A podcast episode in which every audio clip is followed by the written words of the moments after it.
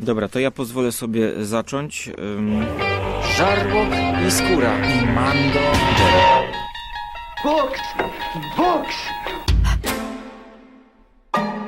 All the books! Konglomerat Podcastowy. Strefa Mroku to podcast o legendarnym Niebezpieczne wizje Harlana Ellisona.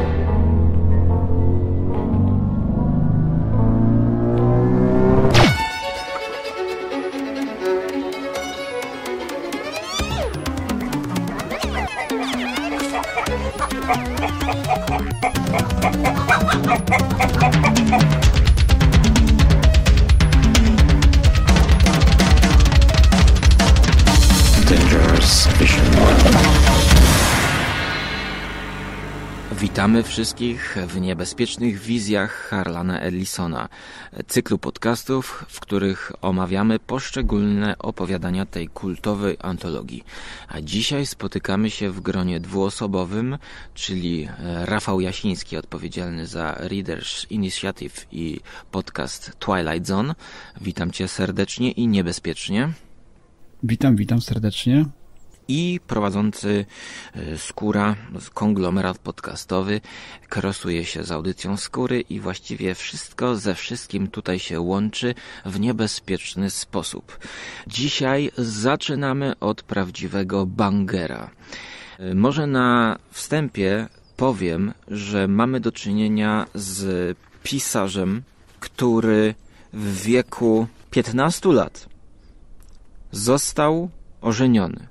Jak pisze James Gunn, rodzice ożenili go, kiedy miał 15 lat. To już samo to jest niebezpieczną wizją. W dzisiejszych czasach 15-latek raczej chyba byśmy poczekali może do chociaż do 16 lat, ale to jeszcze nie jest koniec e, zdania zacytowanego z Drogi do Science Fiction. Trzymaj się, trzymaj się, Rafale. Trzy miesiące później został wdowcem, bo jego żona zginęła spadłszy z konia. Czy to nie jest pisarz nasiąknięty tragedią? To nie jest pisarz najlepszy, jaki może być na rozpoczęcie tego odcinka i antologii? Zdecydowanie tak. Jest to y, przykład no, dość, dość traumatycznych przejść, dość y, nietypowych, y, no, wedle dzisiejszych standardów, drogi życiowej, na samym początku przynajmniej. Jest to też pisarz, który wydaje mi się, że jest raczej nieznany, y, zwłaszcza w Polsce. Tutaj y, Lestera Delaya właśnie u, u, u, umieścił jako pierwszego y, Harlan Ellison ze względów no, bardzo osobistych. Podobały mu się właśnie twórczość samego Lestera Del Reya i nie widział zupełnie innego pisarza, którego mógłby tutaj na samym na sam przód tego, tego, tego peletonu wysunąć. No, okazuje się, że jednak w Polsce jest to, jest to raczej postać mało znana i tutaj też y, posypię głowy popiołem, że y, mi osobiście też żadna inna twórczość z innego rodzaju y, zarówno antologii, jak i powieści w Polsce nie jest znana. Także to był mój pierwszy, pierwszy jedyny kontakt jak do tej pory z twórczością Lestera Delleya. Dokładnie tak.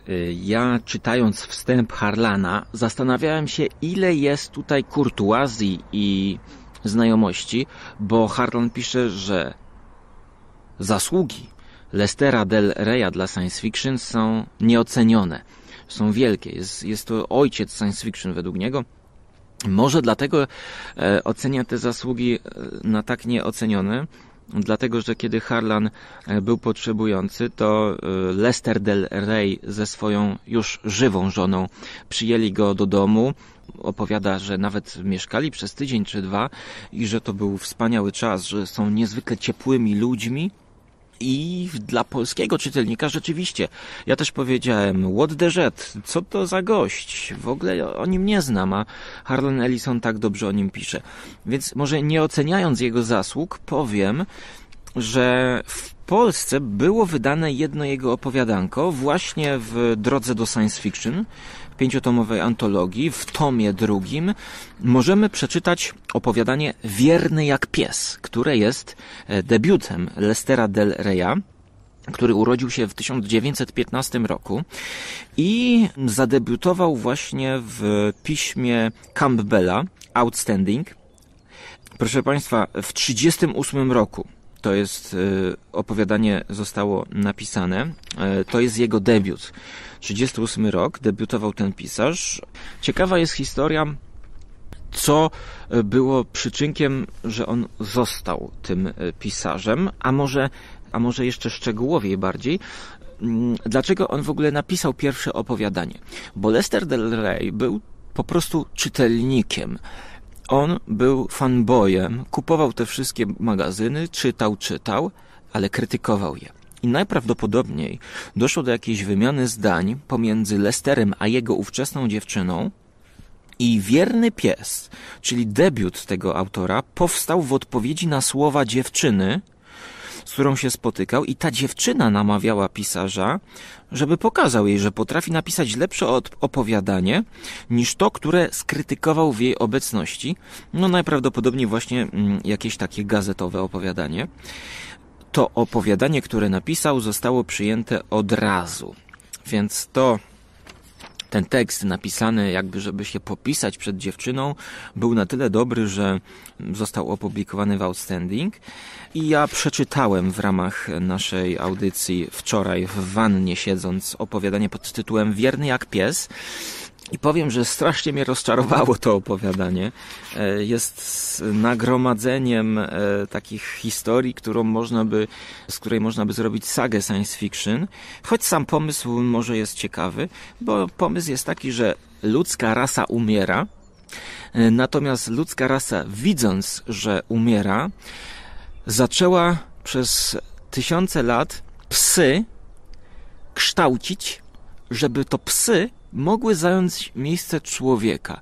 Wręcz doszło do takich ingerencji e, w genetykę, że psy mogły dostać swoje ręce, psy y, zaczęły chodzić do pracy, psy zaczęły żyć po 50 lat.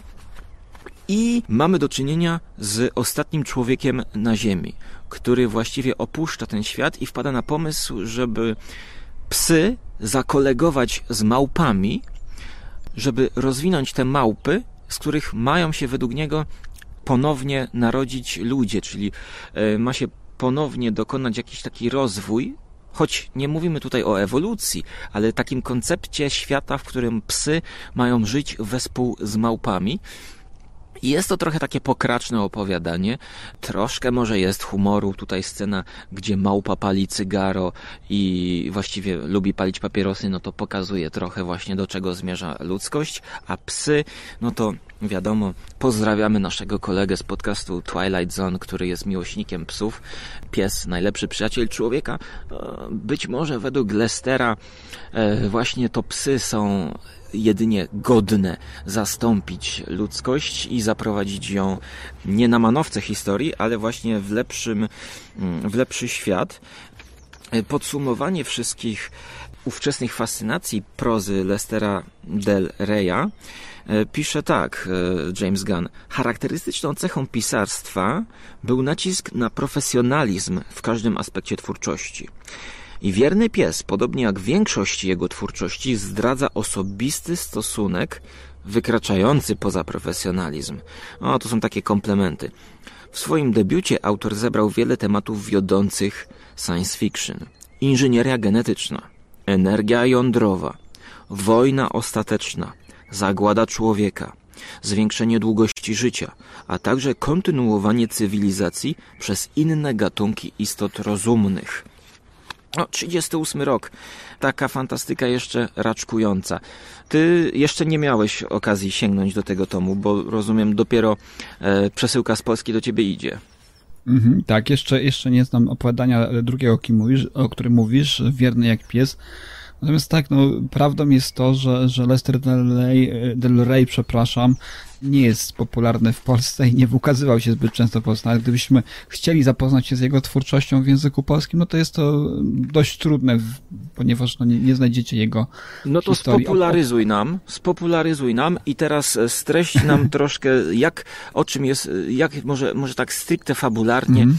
o czym jest opowiadanie wreszcie e, wkraczamy w niebezpieczne wizje, chociaż tak. wizja, w której psy rządzą planetą Ziemią też jest dla mnie niebezpieczna, ale no, to nie jest jest, nie jest to gorsza wizja niż y, Planeta Małp chociażby, tak? Więc y, bliska Tak. temu. Zresztą Planeta Małp jest też wspomniana i oryginalna wersja y, pisarska, powieściowa, powieściowa jest wspomniana też w Niebezpiecznych Wizjach. W każdym razie y, Wieczorne Nabożeństwo, Lester jest. Del Rey. Jedno prawdopodobnie z czterech opowiadań, jakie ukazały się w języku polskim, bo obok tego, o czym mówisz, jeszcze ukazywały się gdzieś na łamach periodyków, y, chociażby w Fantastyce gdzieś się pojawiło jedno z jego opowiadań. Wieczorne Nabożeństwo jest y, dość takim, powiedziałbym, że od samego początku jest dość oczywistym opowiadaniem, oczywistym, do, do, do czego zmierza konkluzja jego i, i sam, sam finał, nie wiem jak to było w twoim przypadku, ale szczególnie mnie nie zaskakuje, ale jest to też y, bardzo alegoryczne, tak, paraboliczne opowiadanie, y, bardzo głęboko dziś tkwiące y, w korzeniami właśnie w naszej eschatologii, es- eschatologii chrześcijańskiej, prawda, odwołujące się, a nawet trawestujące w jakiś sposób mit stworzenia. No zaczyna się od tego, że, że jakaś istota, prawda, nie wiemy, czy to jest istota, czy to jest jakiś dryfujący w przestrzeniach kosmicznych, uciekający przed czymś kosmonauta, ląduje na tajemniczej planecie, tak, na planecie, na której próbuje się ukryć.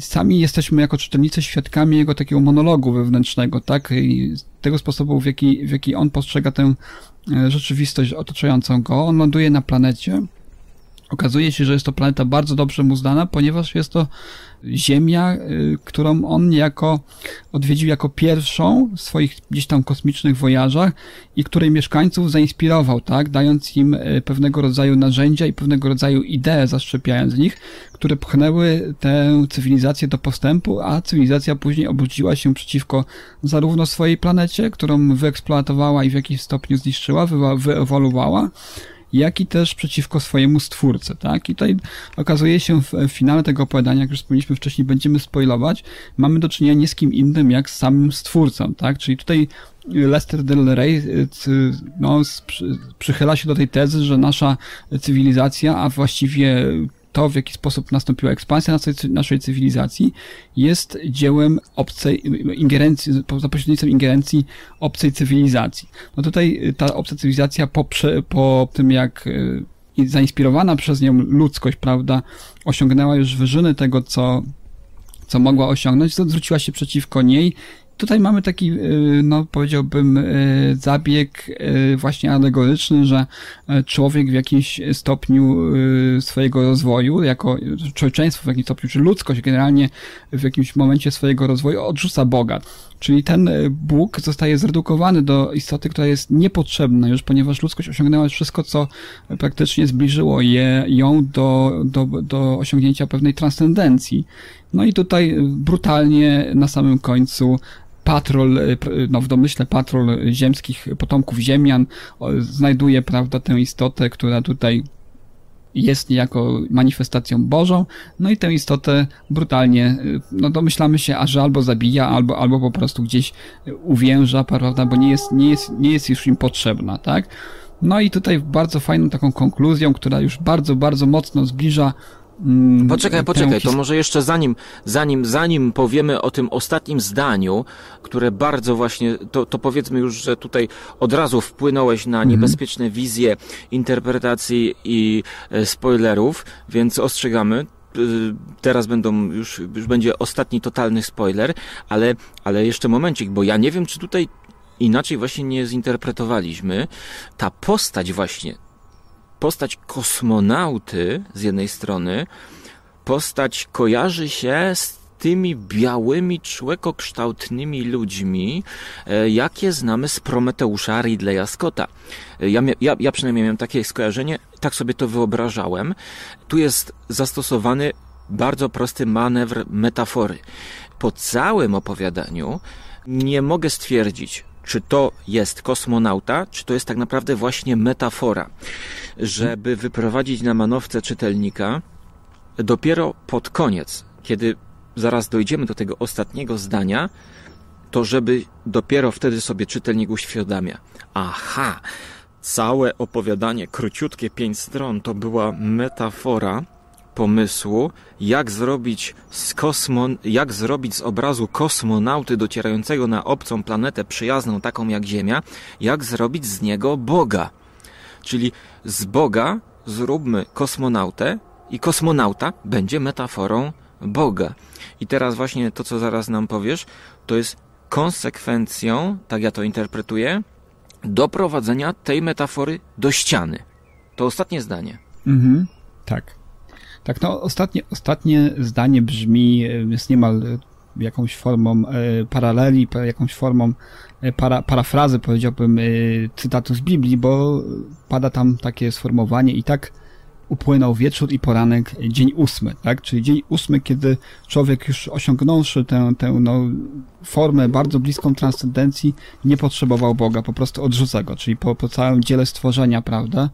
Które w domyśle gdzieś tam jest rozpisane na setki tysięcy lat, zresztą o tym się tutaj wspomina w tym, w tym opowiadaniu, następuje ten moment, kiedy odrzucamy, odrzucamy to, co już nam nie jest potrzebne, tak? Czyli gdzieś ta, gdzieś ta, tak jak mówisz, idea umiera, a idea zawarta właśnie w postaci tego podróżnika międzygwiezdnego. Zresztą kosmonauta to jest duże uproszczenie, ponieważ tutaj zdaje mi się, że w samym opowiadaniu nie pada ani przez moment forma, w jakiej, w jakiej występuje ta, ta istota, tak. Nie wiemy, nie, nie, nie wiemy o jego cielesności, nie wiemy jak on wygląda.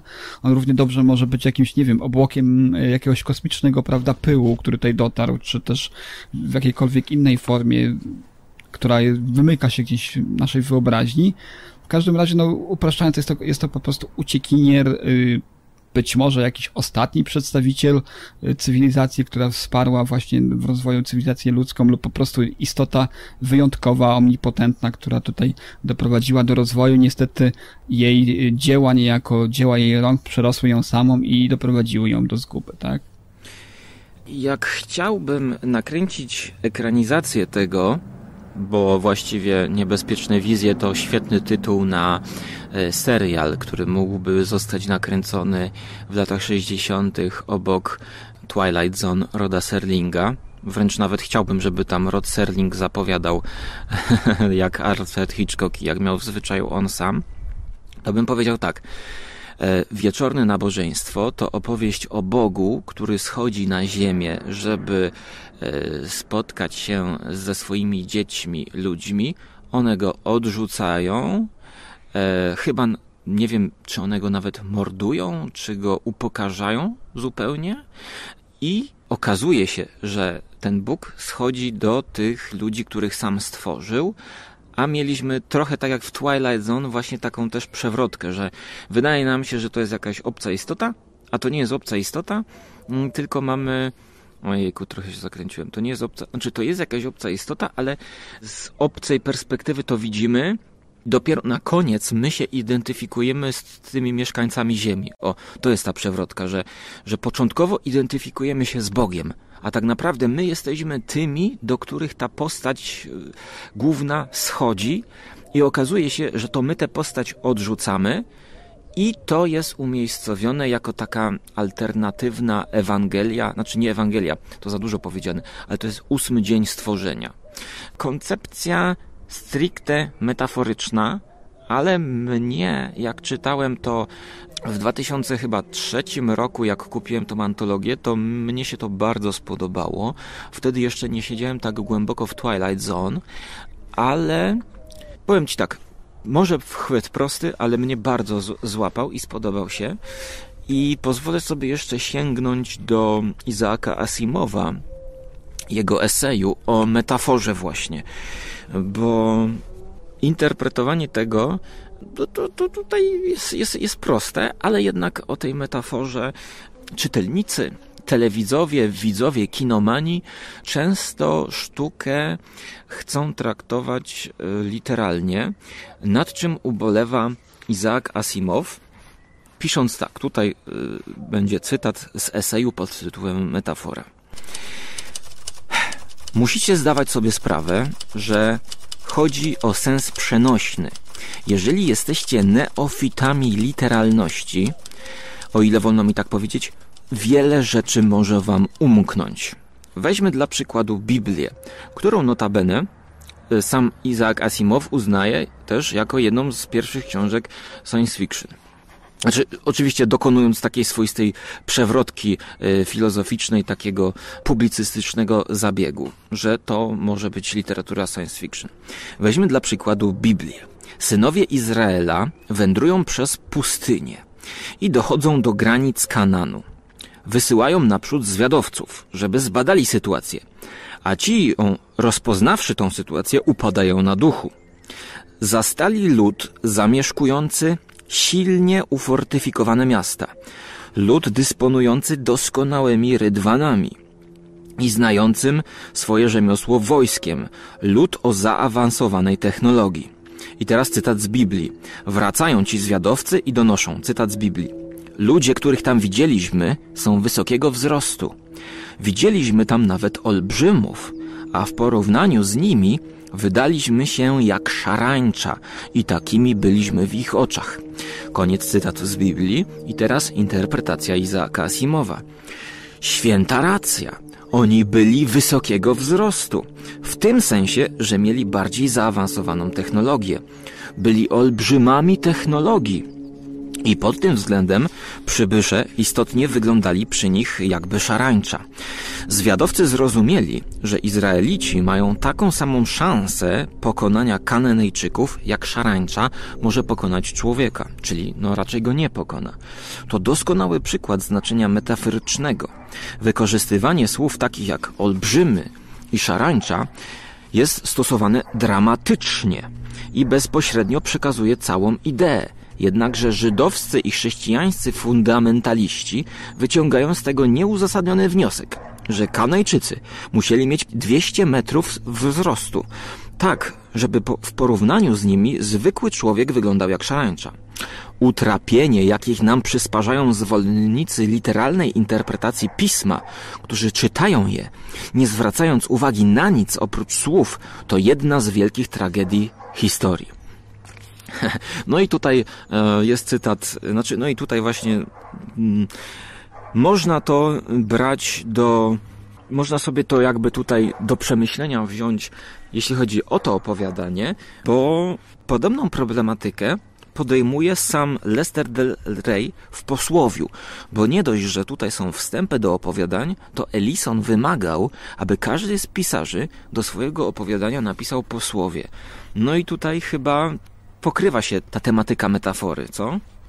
Tak, no jest, jest to dość, dość oczywiste, zresztą to jest z konkretnym zamysłem to powstało i tylko posłowie samego Del Reya potwierdza to, że no oczywiście interpretacja i tak leży w gestii każdego z nas, natomiast no, jest to, jest to dość, dość e, zbieżne z tym, co, co tutaj, o czym mówiliśmy, tak, czyli jakieś, jakaś próba, próba po prostu ukazania być może taka, taka fantastyczna, yy, fantastyczne spojrzenie właśnie na to, w jaki sposób mogła nasza cywilizacja powstać. Oczywiście to nie jest klucz tego, tego opowiadania, ale też w jakim, w jakim momencie my, jaka jest, jaka jest kondycja ludzkości i do czego my zmierzamy, tak? Zresztą tutaj yy, filozof, filozofowie roztrząsali tę kwestię niejednokrotnie. Tutaj nie ma się co za bardzo na tym rozwodzić, bo pewnie my z naszymi umysłami za daleko dalej nie dojdziemy niż ich, niż ich interpretacji i pomysł na to, w jaki sposób cywilizacja podchodzi do idei Boga, prawda?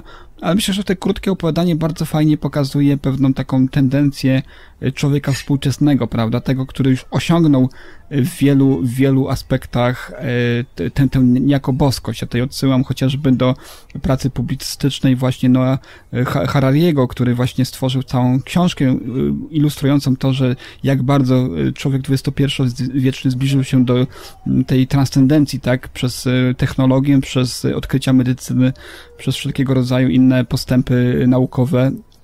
Więc no, jest coś w tym opowiadaniu takim krótkim zawarte, co, co sprawia to, że, że faktycznie daje, stawia pewne pytanie i próbuje odpowiedzieć na pewne pytania yy, w takiej krótkiej, bardzo zwartej formie i bardzo zresztą przemawiającej do, do wyobraźni i zmuszającej do refleksji.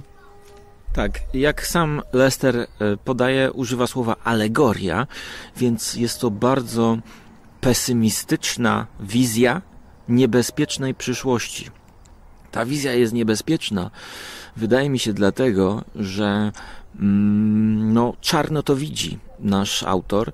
Mm, widzi ludzkość jako taką, która nie dość, że mm, znaczy właściwie o planecie tutaj nie ma, nie ma tutaj takiej wizji ekologicznej, takiej, że, um, takiego czarnowictwa ekologicznego, że, że człowiek zniszczy swoją planetę. Bardziej jest to w tym opowiadaniu Wierny jak pies, jego debiucie, ale jest coś może gorszego, że, że człowiek jakby zniszczy stwórcę tego świata, jest w stanie odrzucić e, tak, taką postać.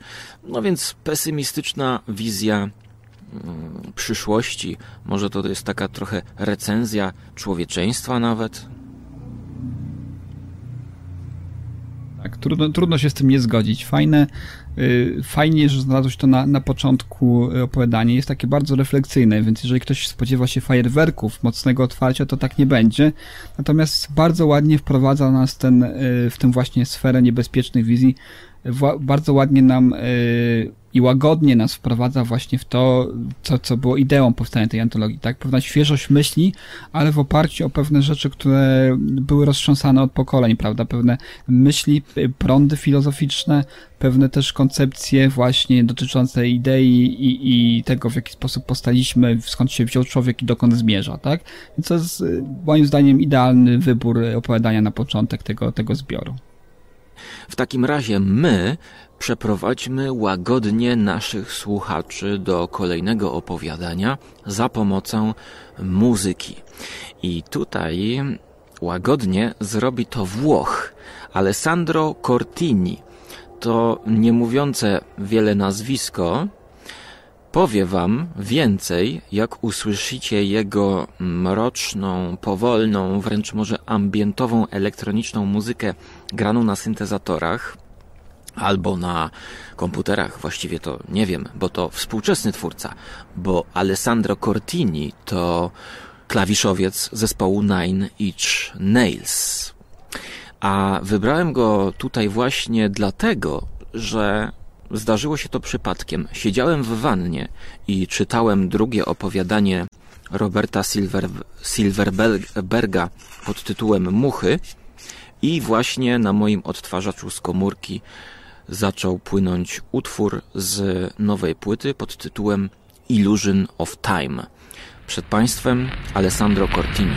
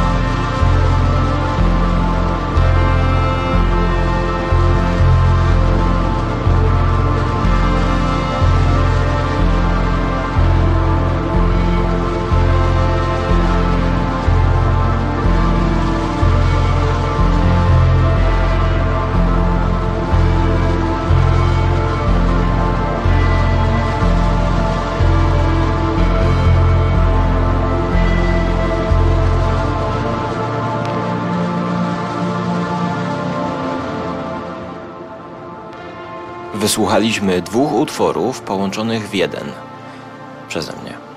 Utwór Sun i Enter Exit z płyty pod tytułem Illusion of Time, nagranym wspólnie z Danielem Avery. A teraz wracamy do niebezpiecznych wizji Harlana Ellisona. Twórcą drugiego z opowiadań zawartych w tym zbiorze jest, jest Robert Silverberg. To jest postać oczywiście bardzo dobrze znana wszystkim e, polskim e, fanom science fiction. Jego, jego powieści i opowiadania no, ukazywały się w Polsce, ukazywały się w wielu antologiach. Jego nazwiska oczywiście nie mogło za, zabraknąć. Pisarz kultowy, jeden z tych filarów science fiction, można by było powiedzieć. Mm, ja osobiście najbardziej sobie cenię te jego historie, które tworzył wraz z Isaaciem Asimovem, prawda? Tutaj wskazałbym na pozytronowego człowieka, który jest taką historią właśnie o tym, co odróżnia sztuczną inteligencję od człowieczeństwa, gdzie przebiega ta granica, prawda? Jest to ogromnie wzruszająca historia właśnie, która łączy w sobie właśnie ten talent y, do opowiadania właśnie o sztucznych inteligencjach Isaaca Asimova z tym takim ciężarem literackim, takim ciężarem y, poetyckim, wręcz można było powiedzieć, samego Roberta Silverberga.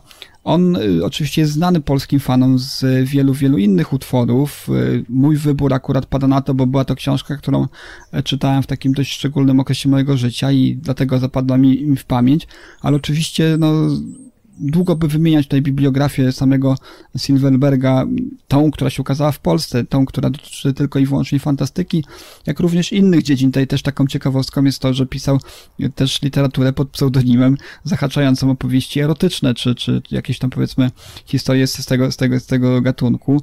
Mm, wiesz, no dla mnie, dla mnie to jest e, ciekawy, ciekawy pisarz. Wiele, wiele przez e, te lata, kiedy zgłębiałem literaturę science fiction, przewinęło się jego historii opowiadań.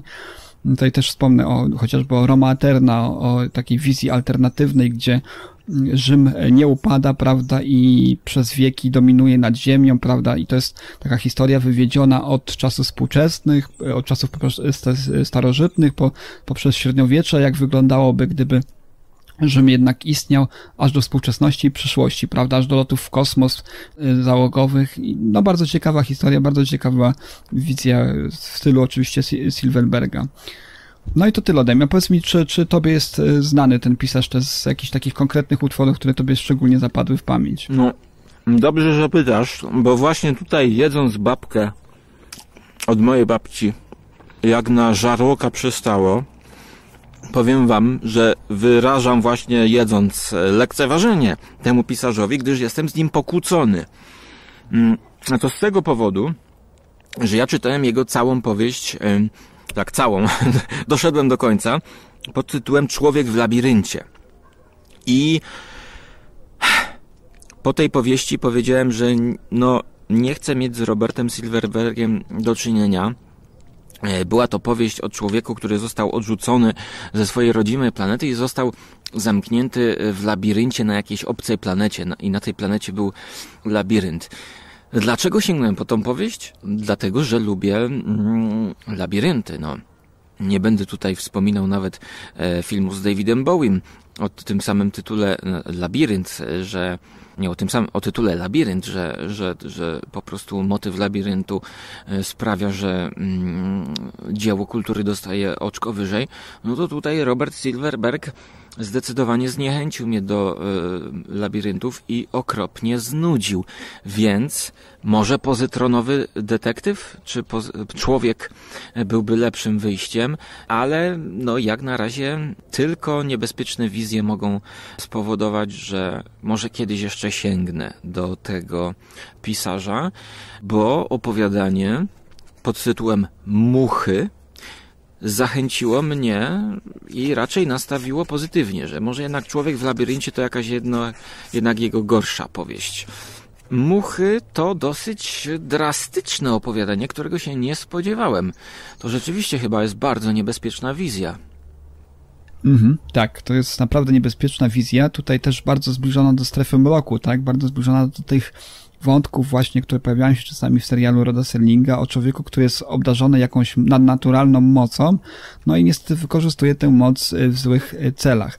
W jakiś, jest jakiś łącznik pomiędzy opowiadaniem właśnie Lestera del Reya a, a Silverberga. y, postać tutaj pewnego astronauty, którego statek ulega zniszczeniu, wpada w ręce istot obdarzonych no, zdolnościami odtworzenia jego ciała, odtworzenia nie tylko jego ciała, ale też głębokiej ingerencji w jego psychikę i też takiej augmentacji jego ciała, stworzenia, y, dania mu pewnych zdolności.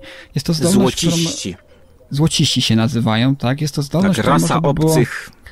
Określić o zdolności, znaczy nie jest ona, nie jest ona konkretnie sprecyzowana, ale jest to jakaś forma empatii, prawda, która pozwala mu na głębsze odbieranie emocji od osób, z którymi się styka, prawda, emocji zarówno pozytywnych, jak i negatywnych. No i pewnie z taką, z taką, z takim celem właśnie złociści obdarzyli go tą mocą i wysłali go w takich celach bodajże poznawczych, ponieważ oni mogli odbierać te wszystkie emocje transmitowane za pośrednictwem jego ciała, na swojej planecie w celach poznawczych wysłali go z powrotem na Ziemię.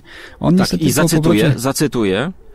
Po tym przeprowadzonym zabiegu ci złociści, rzeczywiście nie wiadomo, czy to są obcy, czy to są jacyś bogowie, nie wiemy, to jest niedopowiedziane, ale ci złociści mówią głównemu bohaterowi Cassidejowi.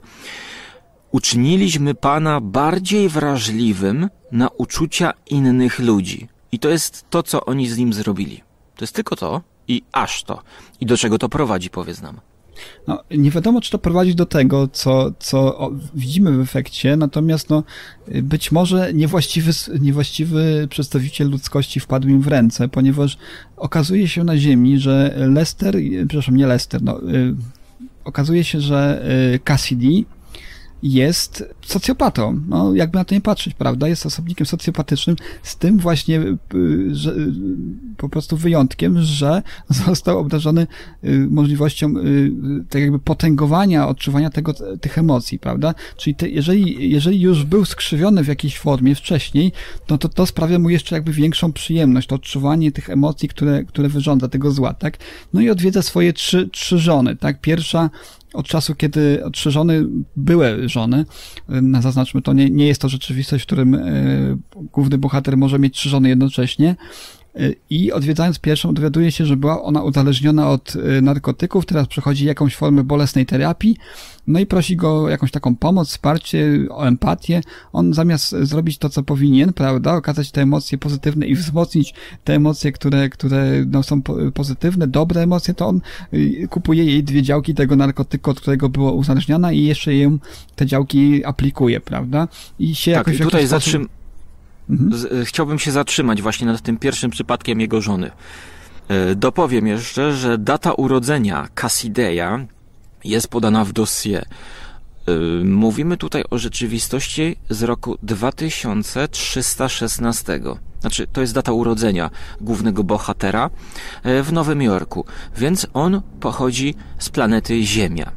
Jego stan cywilny to trzy legalne związki, kolejno przez okres 8, 16 i dwóch miesięcy.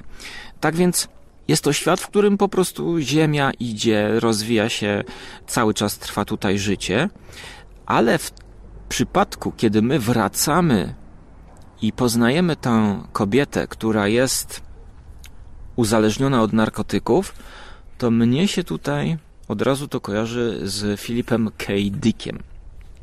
I tutaj jest tak, jakby Silverberg czerpał z, z Dicka, dlatego że w świecie przyszłości pisarz science fiction y, no, nie będzie pisał o żadnej amfetaminie czy kokainie, tylko stworzy swój narkotyk. I to zawsze mnie fascynuje w literaturze SF, bo tutaj mamy do czynienia z niezwykle agresywnym narkotykiem i dziwnym narkotykiem, narkotykiem wręcz jakby z właśnie no, z powieści science fiction to banał, ale takim surrealistycznym trochę, bo narkotyk powoduje skutki uboczne zwykle. I skutkiem ubocznym jest to, że oczy tej kobiety zamieniły się, najprawdopodobniej właśnie to jest skutkiem ubocznym, zamieniły się białka z tęczówkami. Ta kobieta ma zielone tam, gdzie powinna mieć białko, a białe tam, gdzie powinna mieć oko. I w dodatku jest to opisane tak, że ja czytając ten opis, to ja mówię, o, to poczułem się niekomfortowo w tej wannie. To jest rzeczywiście niebezpieczna f- y, wizja przyszłości, w której ludzie produkują takie narkotyki, że nie dość, że zmieniają ich mózgi, y, ich stan psychiczny, to jeszcze najprawdopodobniej, tak interpretuję to opowiadanie, ten narkotyk powoduje, że w ciele tej kobiety pojawiają się plastikowe elementy. Plastikowe części, znaczy jakby jej organy są zastępowane właśnie plastikiem. I tutaj e, musimy dojść do tego, w jaki sposób aplikuje się ten e, oto narkotyk. Otóż ten narkotyk jest podawany w kształcie takich kwadratowych yy, tabletek, które są z plastiku właśnie i wystarczy je rozetrzeć, jakby wcisnąć do ręki, czyli Mamy tę scenę, jak e, Cassidy podchodzi do swojej żony w jakimś szpitalu i bierze jej rękę i jednocześnie w stanie tej jej najgorszej agonii aplikuje jej kolejną dawkę, wciskając jej. I tyle wystarczy, żeby zaaplikować ten narkotyk. No, jest to bardzo niebezpieczna wizja, kojarząca się ze światami Filipa Kadika, a samo ta, sama ta scena spowodowała, że no, powiem ci, poczułem się bardzo niekomfortowo. Ja zwykle chłodno podchodzę. No, oglądam horrory, sceny krwawe nie robią na mnie żadnego wrażenia. Ale coś takiego, powiem ci, troszkę mnie zaorało, a, a za chwilę będzie jeszcze gorzej. Mhm. No nie spodziewaliśmy się tego, prawda? Bo do tej pory można myśleć jeszcze, że tak, dostał fajną rzecz, fajną e, moc, e, mógłby tę moc wykorzystać dobrze, tak? W jaki sposób stwierdził, że powinien odwiedzić swoje byłe żony, czyli też mamy tutaj jakąś e, potencjalną zapowiedź pojednania, prawda, się z nimi, przy, przy, użyciu właśnie tych, tej nowej mocy, tej mo, nowej mocy, która pozwoli wyzwolić w nim większą empatię, większe uczucia, a tu nagle taki zwrot akcji otrzymujemy, że on okazuje się no, być postacią w jakimś stopniu socjopatyczną, tak? No, a mógł ją uratować, mógł ją uratować, uratować ja myśl... tak, tam wystarczyło okazać troszeczkę emocji, prawda, y, empatii, y, współczucia, prawda, wystarczyło tylko tyle, prawda, a mógł też użyć tej mocy właśnie jak mówisz, mógł jej dla wzmocnienia jej pewności siebie, prawda, czy, czy tego celu, bo sama ta terapia też, zwróćmy uwagę na to, że też była bardzo bolesna i bardzo ją zmieniła też, jej skóra była bardzo opięta w związku z tym, prawda, kości mhm. wystające po no, wyglądała tragicznie ta żona, a tutaj y, Cassidy okazuje się jednak jakimś takim złośliwym y, stworzeniem, złośliwym socjopatą, który, który tę moc wykorzystuje w złym celu, tak? No i teraz Zresztą... odwiedza drugą. Aha, no, no, kontynuuj. Kontynuuj. Druga, druga żona. Zresztą tutaj już y, od razu możemy powiedzieć, że mamy tutaj do czynienia ze wszystkimi, z, z, z, kilkoma niegodziwościami, które, y, tak jak to u ciebie to wzbudziło dyskomfort, także wszystkie te niegodziwości, które wyrządzać będzie Cassidy, one każdego człowieka obdarzona chociażby, obdarzonego chociażby szczątkową empatią, wzbudzą sprzeciw, bo dzieją się rzeczy, które wyrządza się istotą, prawda, słabym z jakiegoś powodu. Pierwszy mamy narkomankę, która próbuje wrócić na, na dobrą drogę, wrócić po prostu, odzyskać sw władzę nad swoim ciałem, prawda, wyzbyć się tego narkotyku. On y, wbija jej to, ten narkotyk ponownie, prawda, czyli niszczy praktycznie to, do czego doszła w tym momencie. Następnie mamy kolejną żonę, która w jakiś sposób, aby za zastąpić sobie brak czegoś w swoim y, życiu, ma stworzonko sprowadzone gdzieś z jakiejś e, odległej planety. No jest to stworzonko sympatyczne prawdopodobnie. W kształcie e, koca. W kształcie koca, wzbudzające raczej pozytywne emocje.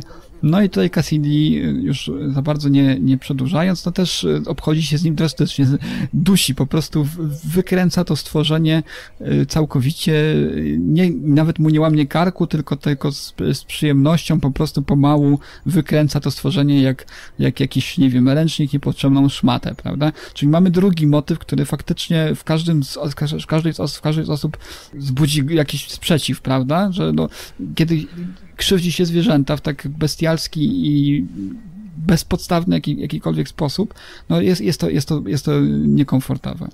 No i no trzeci to jest motyw... Scena to jest scena, bardzo. to jest scena, którą można by, y, wiesz, y, ona jest opisana jakby to była scena z jakiegoś ciepłego filmu Stevena Spielberga, gdzie samotna pani znalazła spokój pod koniec swojego życia, jest po rozwodzie i jedyny jej przyjaciel to jest kotek. I nagle wchodzi jej były mąż do mieszkania i zabija na jej oczach jej ukochanego kotka.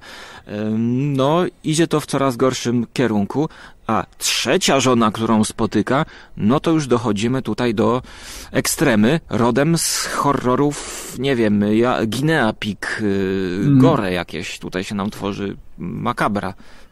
Tak, trzecia, trzecia żona znalazła ukojenie i, i, i, i tak na dobrą sprawę cel swojego życia w poczęciu potomka jest, jest w ciąży, zaawansowanej ciąży, tam prawdopodobnie są tylko dwa miesiące do rozwiązania. No i cóż, cóż e, robi e, postać e, Cassidy'ego? No po prostu brutalnie pozbywa się tego dziecka, kopiąc po prostu matkę w brzuch, prawda? Jeżeli nie zabija tego, tego płodu, to, to na pewno uszkadza w znaczącym stopniu. I to jest też, co mnie najbardziej szokuje w, te, w, tej, w tej konkretnej scenie, jest to, że on y, zastanawia się przez chwilę nad jakimiś subtelniejszymi motywami pozbycia się tego, tego dziecka, tak? Zabicia tego dziecka, ale w związku z tym, że zostało już niewiele e, do, do porodu, no to po, po, po, y, decyduje się jednak na taki mało subtelny w jego ocenie ruch, jak po prostu pozbycie się dziecka, kopiąc po prostu matkę, matkę w brzuch. No jest to, jest to bardzo, bardzo mocna scena, która już niejako ugruntowuje nas co do tego, że, że ta postać w jakiś sposób została e, niesłusznie obdarzona, obdarzona tą, tą mocą. Oczywiście on tutaj dzięki tym e, wzbogaceniu przez, przez tych złocistych, on czerpie jakąś jeszcze większą, większą, większą przyjemność z tego niż czerpałby jak, jak, jak zwyczajny socjopat. Oczywiście żaden z nas, ani ty, ani ja socjopatami nie jesteśmy, nie wiemy dokładnie jak funkcjonuje mózg takiego, takiej osoby, no ale mamy przynajmniej jakieś doświadczenie z obcowania z literaturą, wiemy mniej więcej jak takie hi- historie się dzieją, co czuje taka, taka, taka postać, czy też filmów, czy, czy Tak. też właśnie literatury. Szczególnie jest jest, to wzmocnione? dobrze wzmocnione, jak on się zastanawia, że w sumie mógłbym podać jej jakąś truciznę i ten proces e, odebrania jej dziecka byłby rozłożony na dłuższy czas i byłby może bardziej dla niego satysfakcjonujący, ale on już nie będzie się bawił, więc kopnie ją ko- z kolana w brzuch. Mhm. To wszystko obserwują nasi złociści i widzą, że nie ten cel chcieli osiągnąć. Z powrotem biorą go na statek, mają nad nim taką władzę i znowu zacytuję, co z nim robią. Z jakiegoś powodu nie wszystko rozwinęło się tak, jak chcieli złociści. Wyglądało nawet na to, że nawet oni są w stanie się przeliczyć ale uznali to za cenne doświadczenie. Należało jednak coś zrobić z Cassideyem. Bo przecież dali mu wielką władzę. Potrafił wykrywać i przesyłać do nich niezmienione emocje innych istot ludzkich. Było to dla nich przydatne, gdyż dzięki tym danym być może będą w stanie zrozumieć ludzi. Czyniąc go jednak przekaźnikiem uczuć innych, nie mogli uniknąć wytłumienia jego własnych, a to zniekształcało im dane stał się zbyt destruktywny na swój beztroski sposób. Należało to poprawić. No i teraz co oni zrobili? Oni odwracają kierunek strumienia emocji. Mówią do niego: Nie będziesz już wrażliwy na emocje innych. Będziesz nam transmitował własne uczucia. Odtworzymy Twoją świadomość.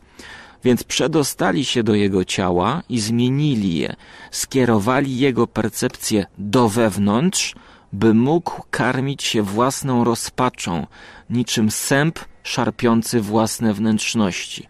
To przyniesie im cenne informacje. Cassidy protestował dopóki mógł, jednak kiedy wróciła mu świadomość, było już za późno na protesty. No i jak ty to interpretujesz?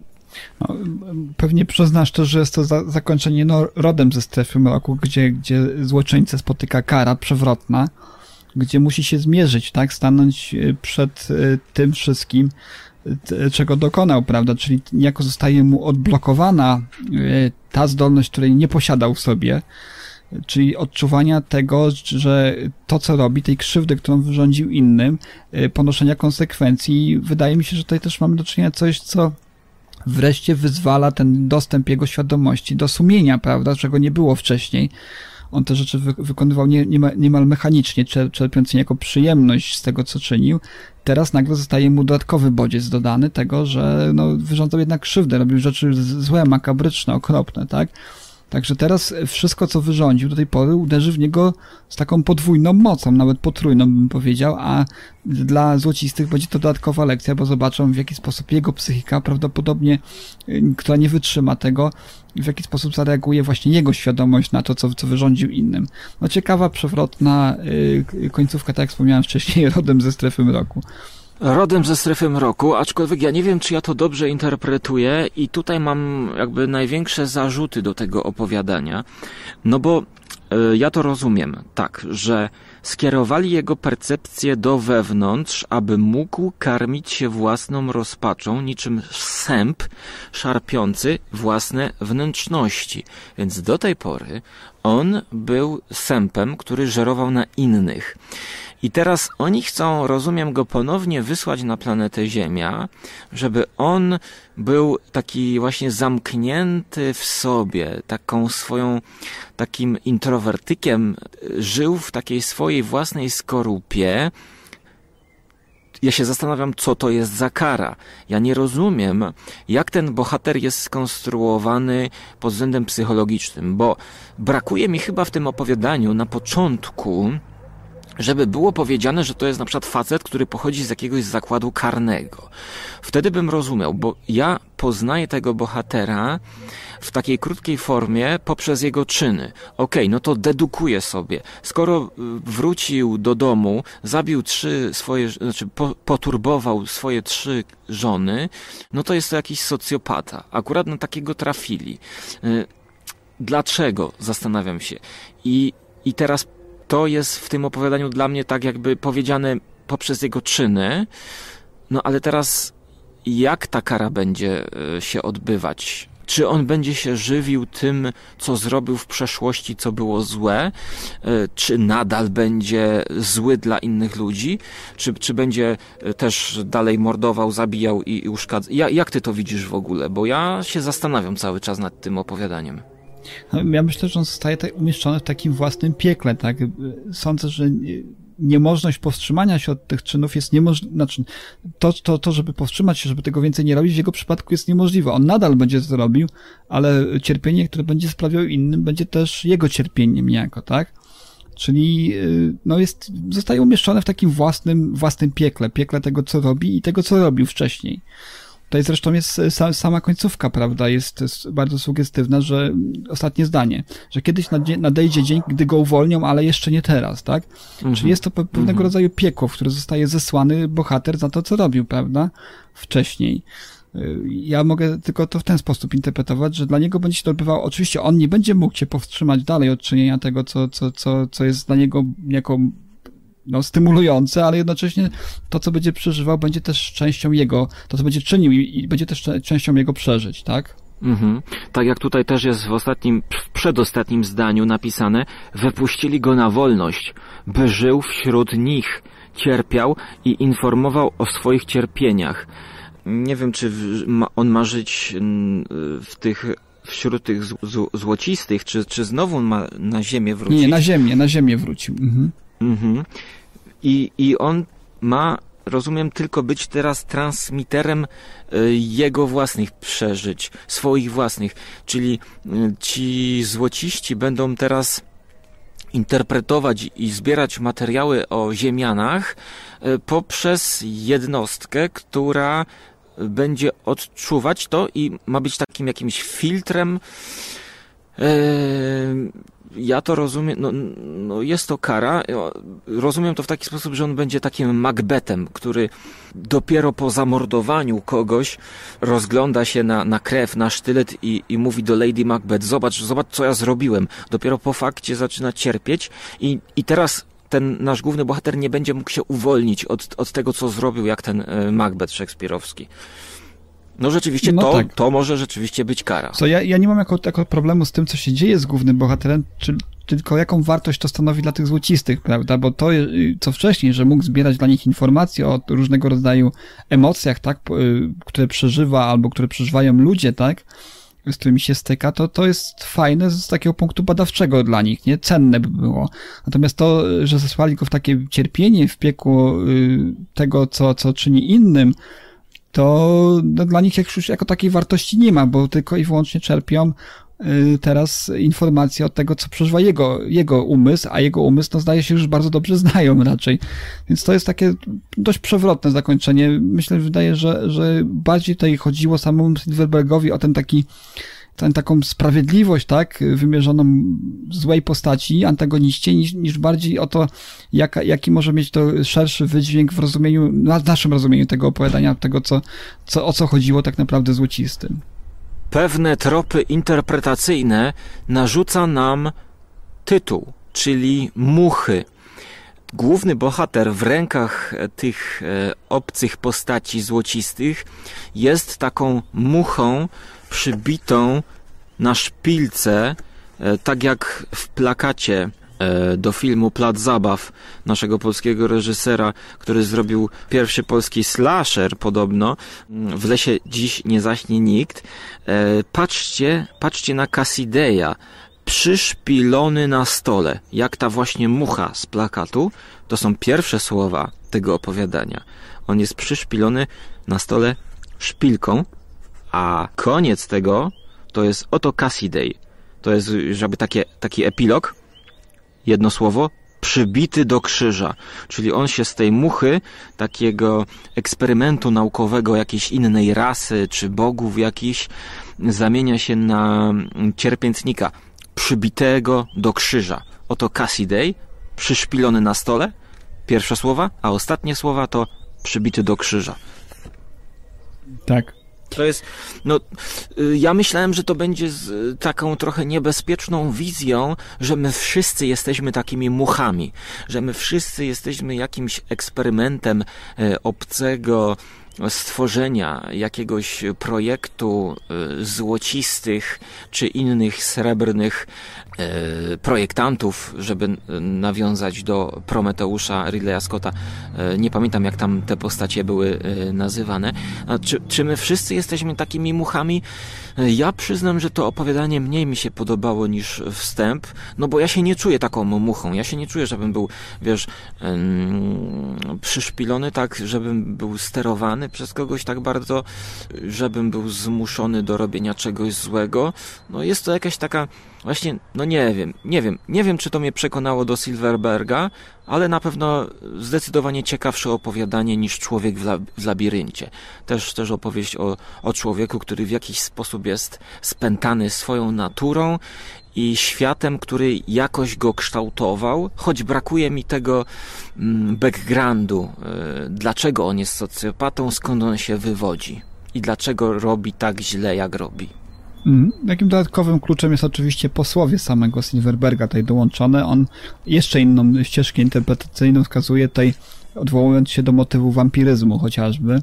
No i trochę tego też w tym jest, tak? Y, Cassidy jest trochę takim wampirem, prawda? To, to, że został obdarzony nową mocą, która wzmacnia niejako to y, satysfakcję czerpaną z cierpienia innych, y, zbliża go niejako do tej istoty wampirycznej, tak? Która gdzieś wysysa tę energię, substancje, emocje.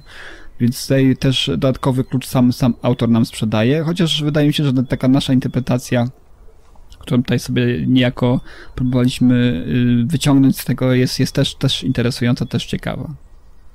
E, tak, bo sam autor pisze, że jednym z jego pierwszych opowiadań było opowiadanie o kanibalizmie. E, jak rozumiem, to chyba, że no, kanibalizm może być taką znowu dobrą metaforą tego, że e, my musimy funkcjonować w społeczeństwie i w jakiś sposób żywimy się innymi ludźmi. No a tutaj mm, też przypomina się termin bodajże wampir emocjonalny mm, czyli ludzie, którzy e, w jakiś sposób, e, no nie wiem, bazują na, na uczuciach innych i, i wysysają z nich e, życiodajną energię. Tutaj w opowiadaniu przewrotnie przeniesione to na przykład właśnie kontaktów międzyludzkich, e, małżeńskich w bardzo ostry sposób. No i ja myślę, że tyle tej ostrości było, że powinniśmy powoli kończyć te niebezpieczne wizje i mieć nadzieję, że nasza rzeczywistość realna nie będzie aż tak bardzo niebezpieczna, jak opowiadania dzisiejsze i opowiadania, których będziemy się spodziewać w kolejnych odcinkach w kolejnych double feature'owych audycjach. Co nas czeka? Ja nie wiem. Otwieram się na nieznane, niebezpieczne wizje. Nie mam żadnych oczekiwań. A ty, Rafale? No ja również jestem, jestem jak najbardziej e, ciekawy, co nas jeszcze tutaj czeka. E, dla nas obu jest to pierwszy kontakt z tą literaturą. W kilku przypadkach okaże się, już patrząc po nazwiskach, które tutaj występują, że, że będzie to też pierwszy kontakt z twórczością pisarzy, które, którzy są uznawani, zostali uznani przez Ellisona za, za, jedne, za jednych z najlepszych tego okresu, prawda? A dzisiaj prawdopodobnie za no, współtwórców fantastyki, jaką mamy obecnie. Więc y, tak, otwieramy się na to jak najbardziej, czekamy, nie, sami sobie nie, nie zdradzamy, sami sobie nie spoilujemy tutaj przyszłości, zabieramy się za czytanie bezpośrednio przed samym nagraniem, dlatego jest to taka nasza całkiem świeża, całkiem bezpośrednia interpretacja tego, co, z czym y, obcowaliśmy dokładnie kilka, kilka chwil temu. Tak więc do usłyszenia w przyszłości i miejmy nadzieję, że ona będzie nie aż tak niebezpieczna jak ta z książkowej wizji Harlana Ellisona. Nie, do usłyszenia. Pomyłka. Tak więc do usłyszenia w przyszłości i miejmy nadzieję, że będzie ona nie aż tak niebezpieczna jak w antologii Harlana Ellisona. Do usłyszenia. Dobra, ja to już... What are we gonna do? It's over. Nothing is over. Nothing. You just don't turn it off.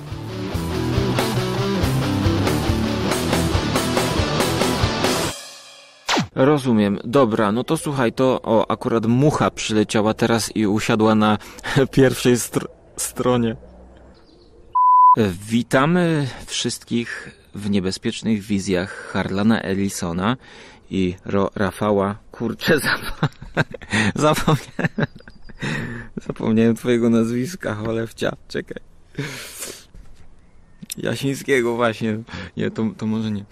Jeszcze raz. To jest jedna rzecz. I druga rzecz jeszcze. Podesłałbyś mi razem z tymi plikami intro do Twilight Zone, jeśli masz, i do Readers Initiative, ponieważ mam plan taki, że, że ja zrobię nowe intro do, do tej serii, gdzie połączę takie fragmenciki, zarówno z konglomeratu, e, z jakichś takich, po prostu chcę zrobić takie nowe intro łączące ca, całą taką, taki crossover. Okej, okay, okej, okay, dobra, dobra, racja, racja. Yy, ja się pobawię tak po prostu, może yy, zrobię coś takiego, jakiegoś po prostu tak wiesz, yy, może wyjdzie jakiś taki mi taki, taki, taki dżingielek na początek, żeby to jakoś tak się odróżniło.